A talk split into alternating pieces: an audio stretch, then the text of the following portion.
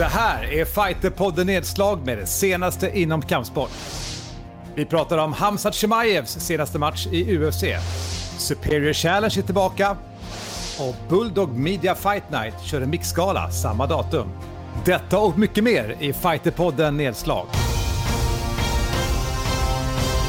Så varmt välkommen till Fighterpodden Nedslag. Idag när vi spelar in så är det onsdagen den 23 september. Jag heter Mårten Söderström, vi är alla på olika håll. Jag säger hej till Axel Gruveus.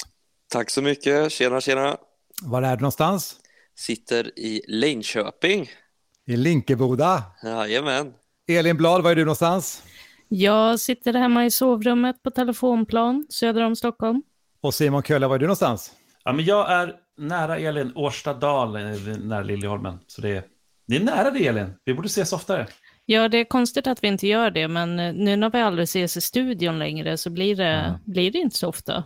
Alltså vi håller ju tummarna för det att vi snart ska kunna gå tillbaka och köra Fighterpodden i studion. Och då kommer vi även kunna ha gäster. Så att den här podden som vi försöker hålla på någonstans under 25 minuter ska beta av allt som har med det senaste inom kampsport. Och jädrar vad vi har framför oss. Wow, alltså nu börjar det hända grejer här. Nu, nu äntligen börjar det bli lite, och äntligen börjar det bli lite mer också än MMA. Det är mycket MMA, det ska vi säga, det, det, och det gillar vi också.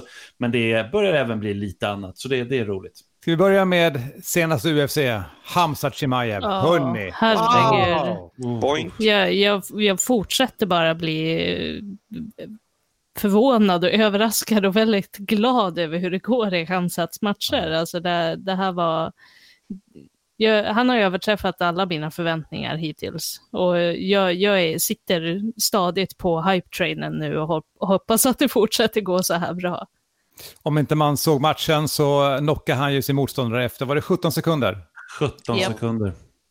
Han hann få iväg en spark och sen på första raka högen så var det lights out för ja, mot en Gerald Merchart. Ja, jag, jag håller med Axel där. Det, det är alltså, Gerald Merchart är liksom absolut ingen dålig. Han, han är ju verkligen en solid veteran som du säger Axel. Det, det är tufft motstånd. Men alltså Axel, ärligt talat, jag tyckte det såg ut som att Gerald inte ville vara där. Alltså han, han såg jävla, ja, jävla han var ju... Det var, det var nog mycket, mycket press. Han så, jag håller med lite, mm. han är, överreagerar ju väldigt mycket ja. på, på alla fintar och allting. Och det är väl klart, mm han, man vill ju inte, ja, men vilken grej va. Får jag ta upp en grej här? Eh, det har varit mycket skriverier, framförallt på Facebook, och tänker mest på Andreas Michaels. Det känns som att de verkligen upplever att eh, folk inte tror på dem. Det har varit mycket kritik och sådär. Jag har inte riktigt läst allt det här, men de lär ju få mycket mer kommentarer. Hur är det egentligen med det där? Alltså jag vet inte. Jag, jag skrev faktiskt till öppet också i någon av de här posterna att att där de liksom gick lite ut och sa att ja, men alla liksom, det, visst är det inte bara tur det här utan det är skickligt och vi tränade faktiskt exakt på det här. Eh, tekniken innan matchen, det är klart de gjorde det. Det är klart de är skitbra. Allstars är jättebra klubb och de är fantastiska tränare. Och, alltså, den som kritiserar Andreas Michael för hans boxning eller hans eh, generalskap eller vad man ska kalla det, Eh, kan ju ingenting om MMA. Jag menar, det, det, det är klart det finns olika syn och olika klubbar och olika tänk och allting, men det de har gjort är fantastiskt. Jag tror att det lever kvar lite i att i början när Allstars kom så dök det upp folk från olika klubbar dit.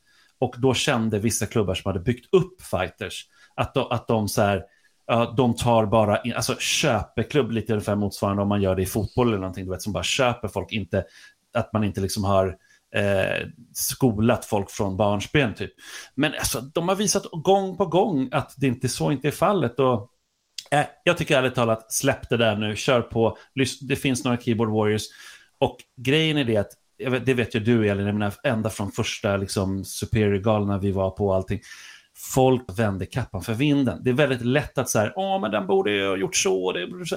För fighting är någonting som alla intresserade av, som alla som är intresserade av fighting tycker till mycket om. Ja, det, det är såklart att jättemånga åsikter och mm. så här, alltså det, det jag tycker att man kanske ska vara lite ödmjuk inför är att det, det går inte att säga att Allstars är ingrediensen som har gjort Hamsat till den fighter han är idag. Alltså det, det finns ingenting som säger att om han hade gått och tränat hos Omar istället på Pancrase så hade han varit mycket sämre eller någonting så. Det är det jag menar, liksom att när det handlar liksom om en atlet så självklart alla de som tränar med den och hjälper den är viktiga ingredienser, men så här, har, man, har man den grundstommen som Hamzat har eller andra atleter som är så överlägsna där de är, så alltså om Michael Phelps hade varit på samma klubb men inte haft gigantiska fötter och jättebred rygg så hade han kanske inte blivit bäst på att simma. Ja. Ja, men det är sant, men det är lite så här, det är egentligen en icke-fråga eftersom att han inte gick till någon annan klubb utan gick dit. Samtidigt, då, han fick bo på klubben, han fick superbra sparring direkt. Han fick en, eh, som tidigare landslagscoach i, i eh, boxning, som sin boxningstränare. Eh, jag vet, alltså, det är lite så här, hade han gått till annan, hade han blivit lika bra där? Jag vet inte. Så det, nu har de ju tagit hand om honom något otroligt väl. Även gett honom lite fixat så att han har fått sponsorer. Alltså, så att, Nej, jag, vill, jag håller inte med dig för en gångs skull, Elin. Jag skulle säga att ing hemliga ingrediensen är såklart hans brottning i grunden och att han är i sin prime, som vi pratade om förra podden. Men sen är det också att Allstars har, har gjort honom till en fantastisk fighter. Vad säger du Axel? Jag kan tycka att det är lite hälsosamt Simon, att du och jag inte alltid håller med varandra. Annars blir det verkligen så här bara ja, samtycka klubben. Så... Ja, det är sant. Det är sant det, det, är väl på, på ett sätt så att säga, ja men han hade nog garanterat blivit, blivit bra oavsett, men jag tror att han är en sån perfekt eh, matchning också. Alltså med hela hans mentalitet med den klubben, eh, med, med, eh, med stilen som jag tycker Allstar är bra på att lära ut. Alltså den här brott, det såg man ju i den här senaste matchen. Alltså, när någon är rädd för att bli nedtagen och du har en, en riktig crisp höger du kan slänga liksom utan att bryta din stance och utan att tappa balansen. Det är behövs inte mycket mer. Alltså, det är ju, är ju en, eh, ett eh, perfekt minimalistiskt och, och jättefint game tycker jag. Det ska bli jättekul. Nu, nu tittar jag lite här vad, vad som finns. Liksom. Nu, nu sägs att han ska möta Maja nästa gång. Damien Maja. Mm. Damien Maja efter det. Och efter det så finns det bara, det är liksom, eh, det är Usman, det är Covington, vilka är det mer? Steven Thompson. och vilka är det mer i topp? Maja är rankad sju, så att det är ju en topp fem kille efter det i alltså, det, det känns ju som att han kan gå hur långt som helst om, om det fortsätter så här. Och särskilt, han har tagit så jävla lite skada de här, mm. de här matcherna. Så det, det, det, är ju jävligt nice att han kan gå så fräsch från varje fight och bara köra har, nästa också. En, en sak till bara där medan vi, vi pratar kanske. Tänk eh, Dominic Reyes som nu går mot Jan Blakovic om, om en stund om titeln och gav John Jones en hård match innan han mötte Wideman hade han två vinster i UFC mot typ mm. så här debutanter ungefär. Så att så här, vem säger att det inte kan gå snabbt för andra också? Det, det, kan gå snabbt, absolut. Sen ska vi också tänka på det, Axel, att där nämnde du den ena viktklassen. Grejen är att han tävlar i två viktklasser. Det är så, så jäkla häftigt. Han kan bli champ champ alltså. Det, ja, tänk ja, om vi inte bara skulle få vår första champ, vi skulle få en dubbelchamp. Wow det var, gjorde han i brottningen och jag menar, han är egentligen en välterviktare. Nu pratar vi mycket vältervikt, men han, han går med, det här var mellanvikt han gick nu. Det är Israel Adesanya som är champ där. Det ja. är Paolo Costa han kan möta. Det är Jack Hermansson han kan möta. Alltså förstår ni, det, det är liksom, det är fantastiska matcher. Men Dana White har varit ganska tydlig. Han ska inte möta någon topp 5 nästa match. Det, det, skulle vara kanske om någon hoppar av eller någonting sånt där match. Så han kommer möta någon kanske topp 10, topp 15 i alla fall. Sjukt kul. Och de börjar snacka nu om att, ja men, ja, Maja kanske, alltså det kan komma in en till fight mellan Maja innan. Och nu börjar också väldigt många säga att fan, frågan är, ska Maja verkligen möta honom i sin sista match? Alltså det, det här kan vara Majas sista match. Och Maja är ju, ja, stor chans att han blir knockad alltså. Det är det som är problemet. Men jag vet inte, vi måste röra oss vidare med Mårten, eller hur är det? Precis, vi kommer tillbaka till Hamzat Chimaev såklart.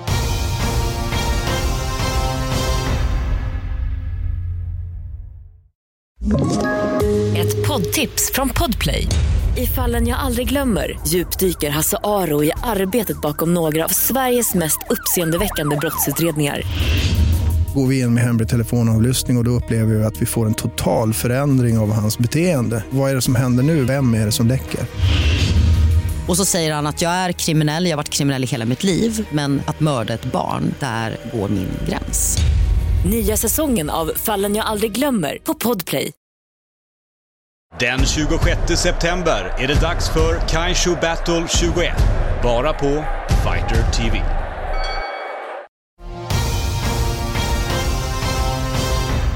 Vad händer mer i UFC, Simon? Ja, nej men alltså det var en fantastisk gala, otroligt gala. Eh, alltså för mig personligen också som vann mycket pengar. Jag är jätteglad, jag är liksom härligt. Det där klipper vi bort direkt. Så, ska, så där ska vi inte hålla på. Så där kan vi absolut hålla på tycker jag. Colby Mackenzie Dern. Hallå? Mackenzie Dern som kommer tillbaka. Vilken fantastiskt bra match. Ja, en otroligt bra match verkligen efter att hon, har fått barn eh, och kommit tillbaka och därför var oddset också, apropå odds, lite inte riktigt så lågt som det kanske borde vara på henne, så det var bra spel att spela på henne. Colby Covington vann ju där eh, mot Tyron Woodley och eh, Tyron Woodley som var, kändes som att det var i slutet av hans karriär. Eh, Donald Trump ringde då sen efter till Colby Covington. Han är, alltså, Colby är ju verkligen på riktigt en, ett Trump-fan.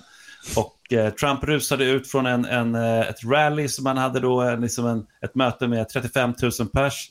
Springer han ut för att eh, helt enkelt eh, kolla på matchen eh, med Colby Covington och han sa i intervjun där att han var ett fan av Colby.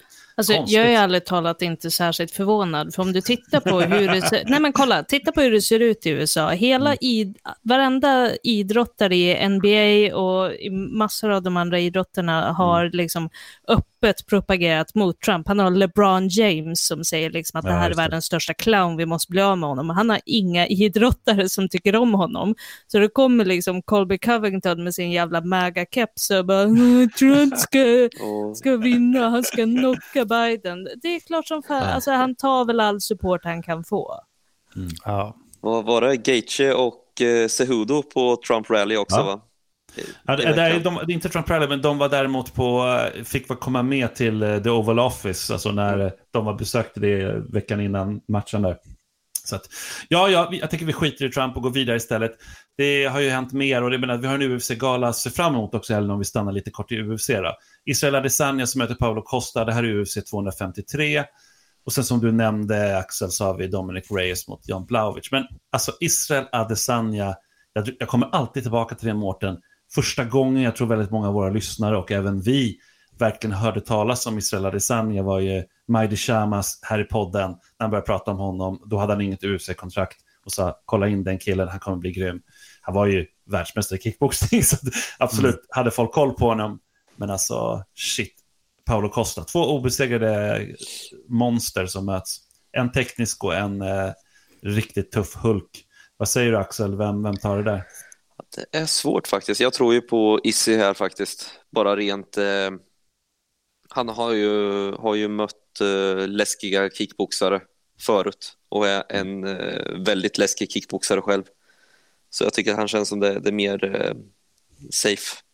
Men vad tar matchen vägen tror ni? Jag tycker det är lite kul för att om du inte är jätteinsatt i MMA så är det här en typisk match där Paolo Costas han är superrippad, Mm. Väldigt muskulös. Han är gigantisk. Alltså, alltså jag jättestor. Han är verkligen stor. inte hur han kan gå i mellanvikt. Han, han, han måste ju gå runt på alltså, över 100 kilo. Han är så jävla stor. Garanterat, garanterat. Ja, han är stor. Och så ska han möta då Israel Adesanya som är liksom lean, han är teknisk, eh, hela hans nästan superman-beteende. Och han har också kommenterat det här, eller superhjältebeteende, han har kommenterat också att, att det handlar inte om muskler. Så att, eh, det ska bli kul att se. För att eh, i clinchen så känns det ändå som att eh, Paolo Costas är mycket, mycket starkare. Ja, alltså det är galen match och jag menar, det är bara ut på YouTube och allting. För det finns ju hur många som helst som analyserar den här matchen, så vi kanske inte ska fastna där. Men det, det är en häftig match i alla fall och jag, menar, jag, jag tror att Många pratar om att det kan vara liksom, eh, årets fight och allting, men man ska se upp lite också.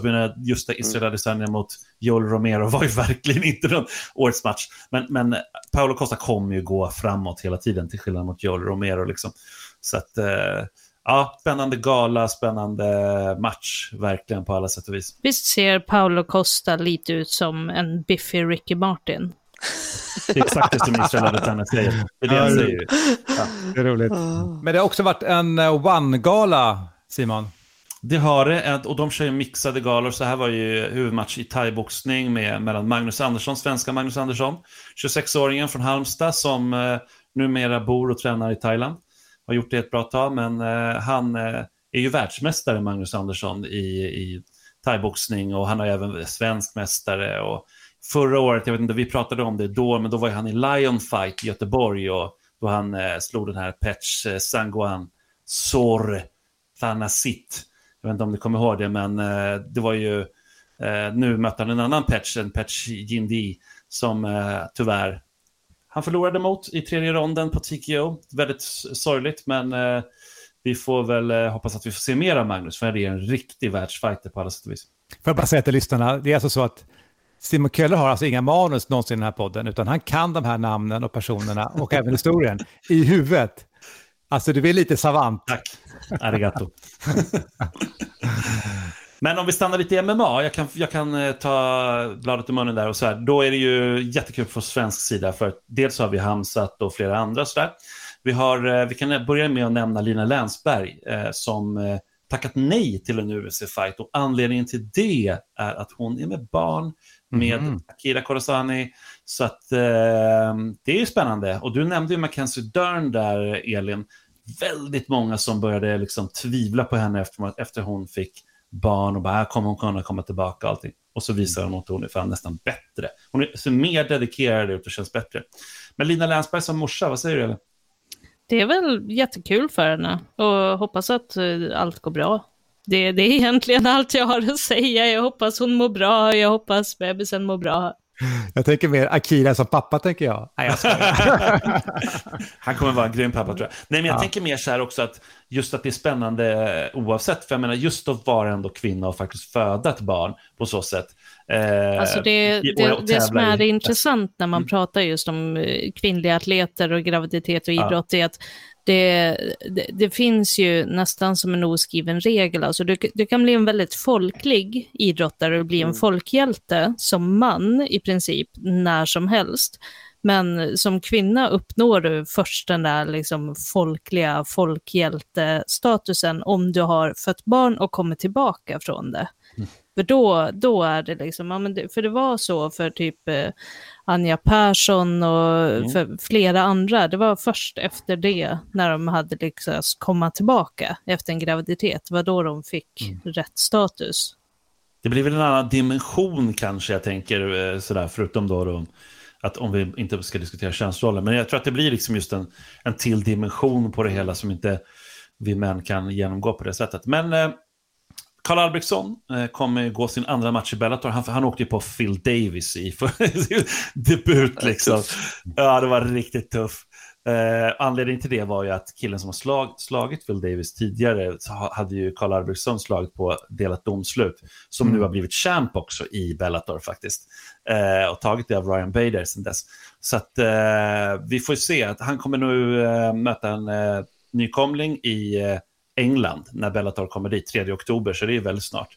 Veckan efter det så får vi se Oliver Enkamp som går ännu en match i Bellator. Det går bra för honom i Bellator verkligen och han växer till sig känns det som för varje match verkligen. Och eh, det har ju, så här, det kanske inte låter som världens speciella, mest speciella grej att Bellator kommer till Frankrike, men Paris, men det är faktiskt så att eh, det är äntligen så att Frankrike har fått godkänt MMA. Det har ju funnits massa MMA-klubbar och allting, men de har kört så här semiprofessionella galor där, sånt jättekonstigt, två ronder och grejer. Nu är det äntligen godkänt och det är så här, fy fan vilket jobb det har varit under så lång tid. Jag, vet, jag skrev en rapport, kommer jag ihåg en gång, som läses upp där i deras eh, parlament, typ, och så här. Det, var, alltså, det har varit så mycket kamp för att få till det där, att det ska bli eh, liksom godkänt och nu äntligen efter så många år. Det är häftigt. Men alltså, Bellator, det var ju riktigt att de skulle komma till Sverige. Av förklarliga ja. skäl så blev det väl inte i år. Um, hur går det för den organisationen jämfört mot UFC, skulle du säga Simon? UFC är ju by far störst liksom. Och de, de har bäst tv-dealar och allting. Men eftersom att Viacom är, finns med i bilden så, jag menar, Bellator är vassa. Så det, det, det man, ska, man, kan inte underskatta dem och det är ju eh, så här, det, det, är lite av en avancerad, det är ingen farmaliga, det är det inte, som Strikeforce var en gång till, men det, det, det, fungerar ändå lite som det. Nu kommer Michael Chandler gå in i UFC från, från Bellator och sådär. Det, det, blir lite så.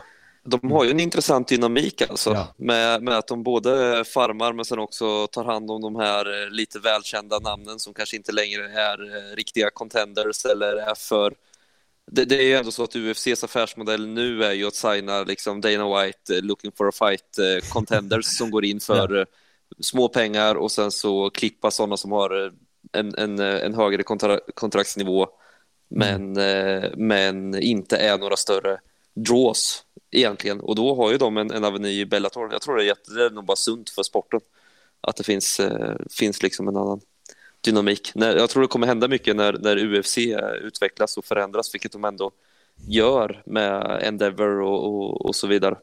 Ganska mycket. Ja men verkligen. Och jag menar, i Europa, där, det är ju, där här har vi ett antal galor. KSV, Polen inte minst, som kanske är det största egentligen europeiska galan om man, om man ser till liksom publik och sådär. Men den brukar inte alls hypas så mycket. Faktiskt, Alexander Gustafsson gick match där, det brukar sällan nämnas. Men eh, innan han kom till UFC. Men vi har ju också, och han gick också på Superior Challenge som vi snart, snart ska prata om. Men Cage Warriors, nu, de är, har ju, är verkligen en farmarliga till UFC. Även killen som Hamsat mötte i sin andra match var, kom ju från Cage Warriors. Så Conor McGregor. Alltså, listan kan göras så otroligt stor. Så att faktum är att de har blivit av med så många titelhållare till UFC. Så nu den här veckan kör de ett, ett titelrace. De gör en rolig grej. De är torsdag, fredag, lördag blir det galor. Och då kör de fem titelmatcher eh, under den här veckan för att på något sätt kunna eller, göra ett litet avstamp liksom, och synas igen. För för ett, ett tag så kändes det som att man stötte på eller hörde talas om Cage Warriors hela tiden. Och så har det inte riktigt varit fallet nu senast under corona här. Så att det här kanske är en bra väg tillbaka, eller vad säger du? Redan? Ja, det tror jag absolut. Alltså, som du säger, det, de har varit lite mer i, i, bak, i bakluckan eller vad man ska säga. Och eh, jag fattar att det är ett jättestort problem om man är då, som, som ni så fint uttrycker en farmarliga som eh, hela tiden tappar sina champions till eh, UFC. Det, det är en otroligt jobbig situation, för de, de gör ju en stor del av jobbet för UFC då, och sen får de inte reap the benefits av sin, av sin insats någonstans. Så jag Men de verkar ganska blir... nöjda med det. Det är det som är så sjukt. Alltså de, det är ju, jag känner ju Ian där som är deras eh, som eh, promotor och eh, han har väl varit matchmaker också.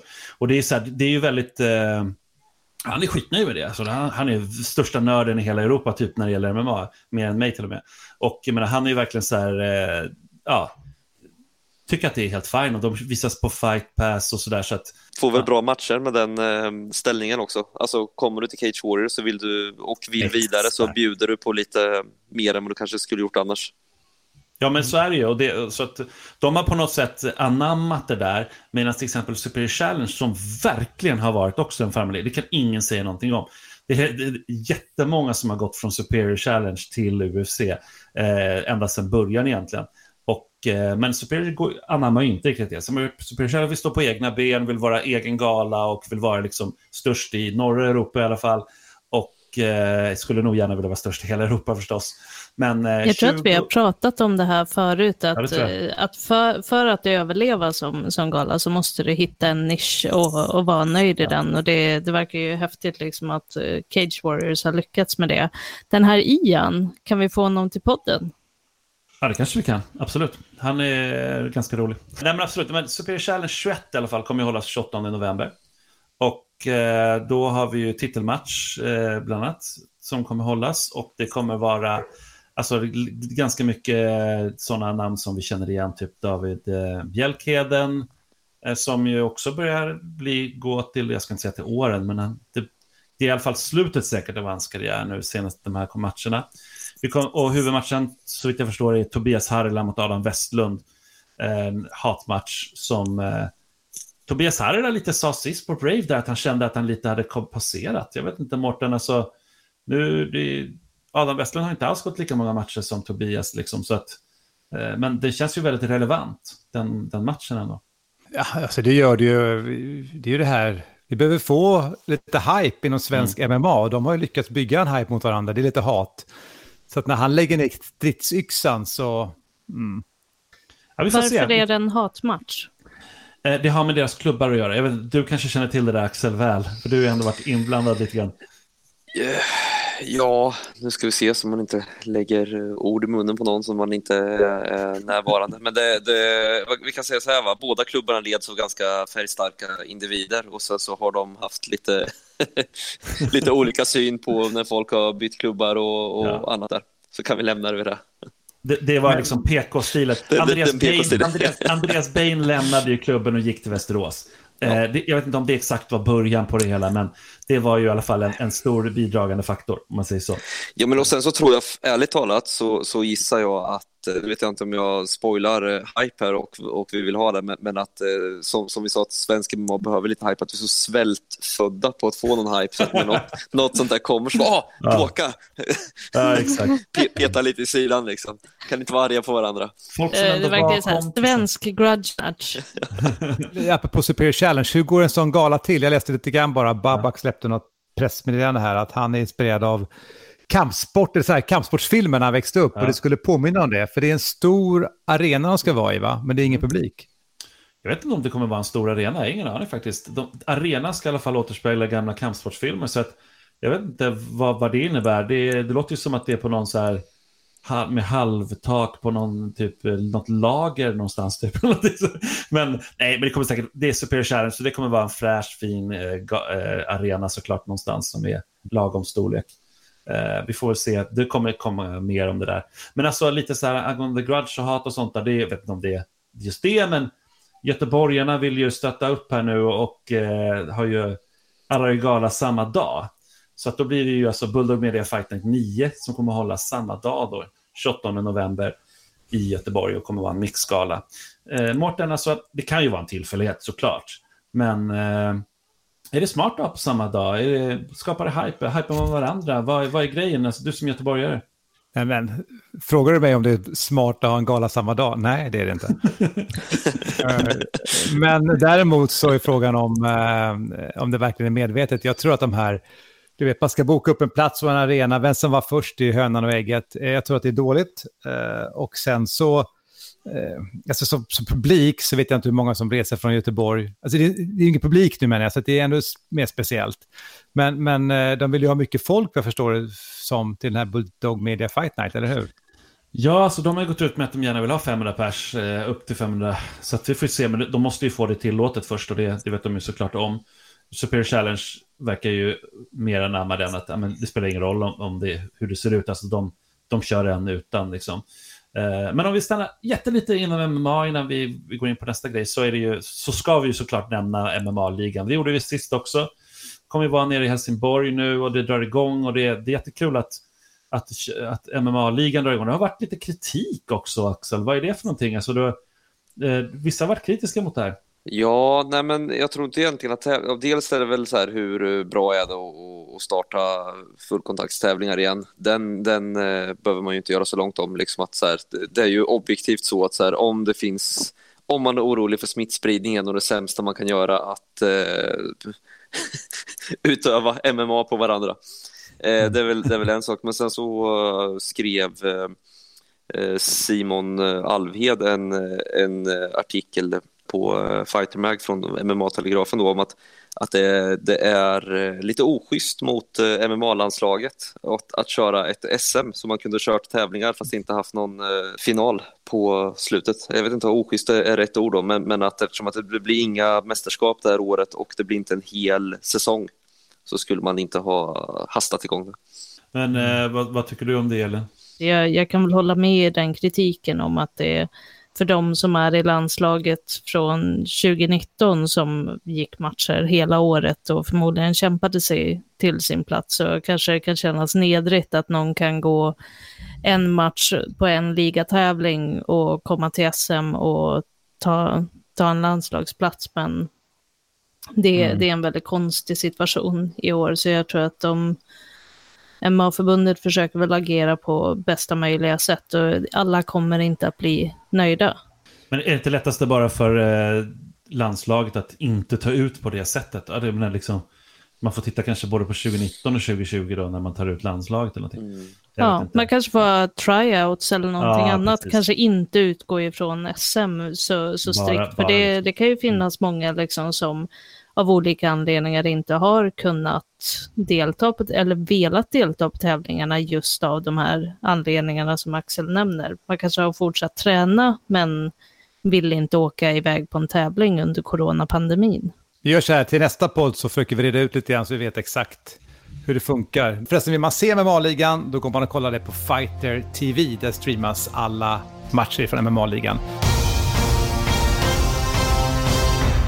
Men du Simon, sist ut nu då. All Style. Ja, nej men alltså vi har tre stycken All Style-tävlingar som är bokade för hösten. Och jag menar All Style är ju anrikt om inte annat. Vi har ju snackat om det förut, men det är så kul. Det är stående fightings där många från olika system möts. Och, och liksom, som sagt, jag, brukar, jag blir alltid så här varm i kroppen och tänker på Solnahallen och liksom när jag var en liten kille och gick och kollade på de galna och sånt.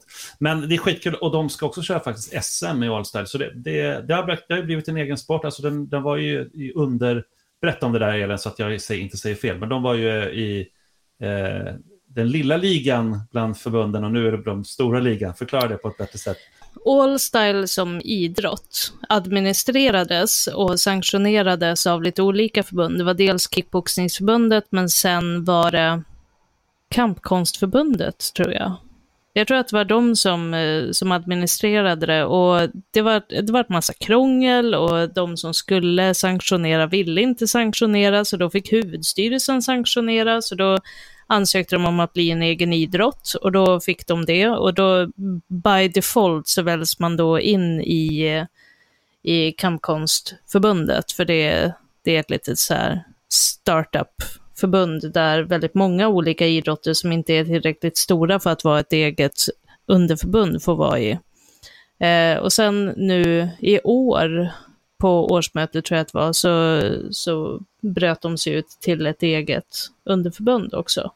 Det är roligt mm. när det blir som en sån utveckling på, för det var ju, det var ju bara tävlingskoncept egentligen. Men det behövs, det behövs ju någonting annat. Jag menar K1, många pratar ju om det, så här, K1, ja, det var så stort. Ja, det var, det var absolut, det var större än MMA väldigt länge i Sverige för att visades på Eurosport. Men jag menar K1, vi ser K1-galor nu, alltså det, det är länge sedan, det är dessutom ett märke. Det behövs ju liksom en, ett brand, så att det behövs ju stående galor som är fria, där kommer folk från olika system och, och kör. Det, det är old school och det, det är härligt. Och, det, det är roligt liksom att det blir mer möten mellan olika stilar. Hörni, tiden sticker iväg i Fighterpodden Nedslag. Eh, sist ut då, vad tror vi för matchen i helgen? Adesanya mot Kostas. Elin? Jag tror att eh, Adesanya vinner. Jag tror att det förmodligen går tiden ut. Simon? Alltså jag är ganska tråkig. Jag tror typ samma. Jag tror faktiskt att eh, Adesanya dock kan avsluta Costa för att han kommer gå så hårt framåt och i någon, eh, kanske tredje, fjärde femte ronden. Axel? Då säger jag eh, Adesanya på knock. Snyggt. Jag säger att det går två ronder och Kostas vinner. Det har ni det.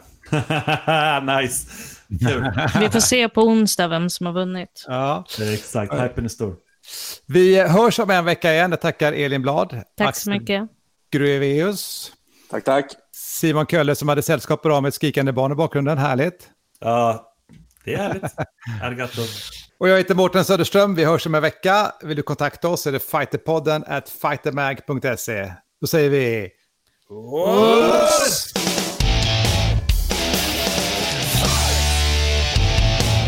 Fighterpodden produceras av Subamedia för Radio Play.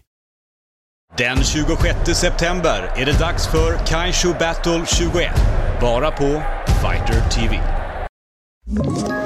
Ett poddtips från Podplay. I fallen jag aldrig glömmer djupdyker Hasse Aro i arbetet bakom några av Sveriges mest uppseendeväckande brottsutredningar går vi in med hemlig telefonavlyssning och, och då upplever vi att vi får en total förändring av hans beteende. Vad är det som händer nu? Vem är det som läcker?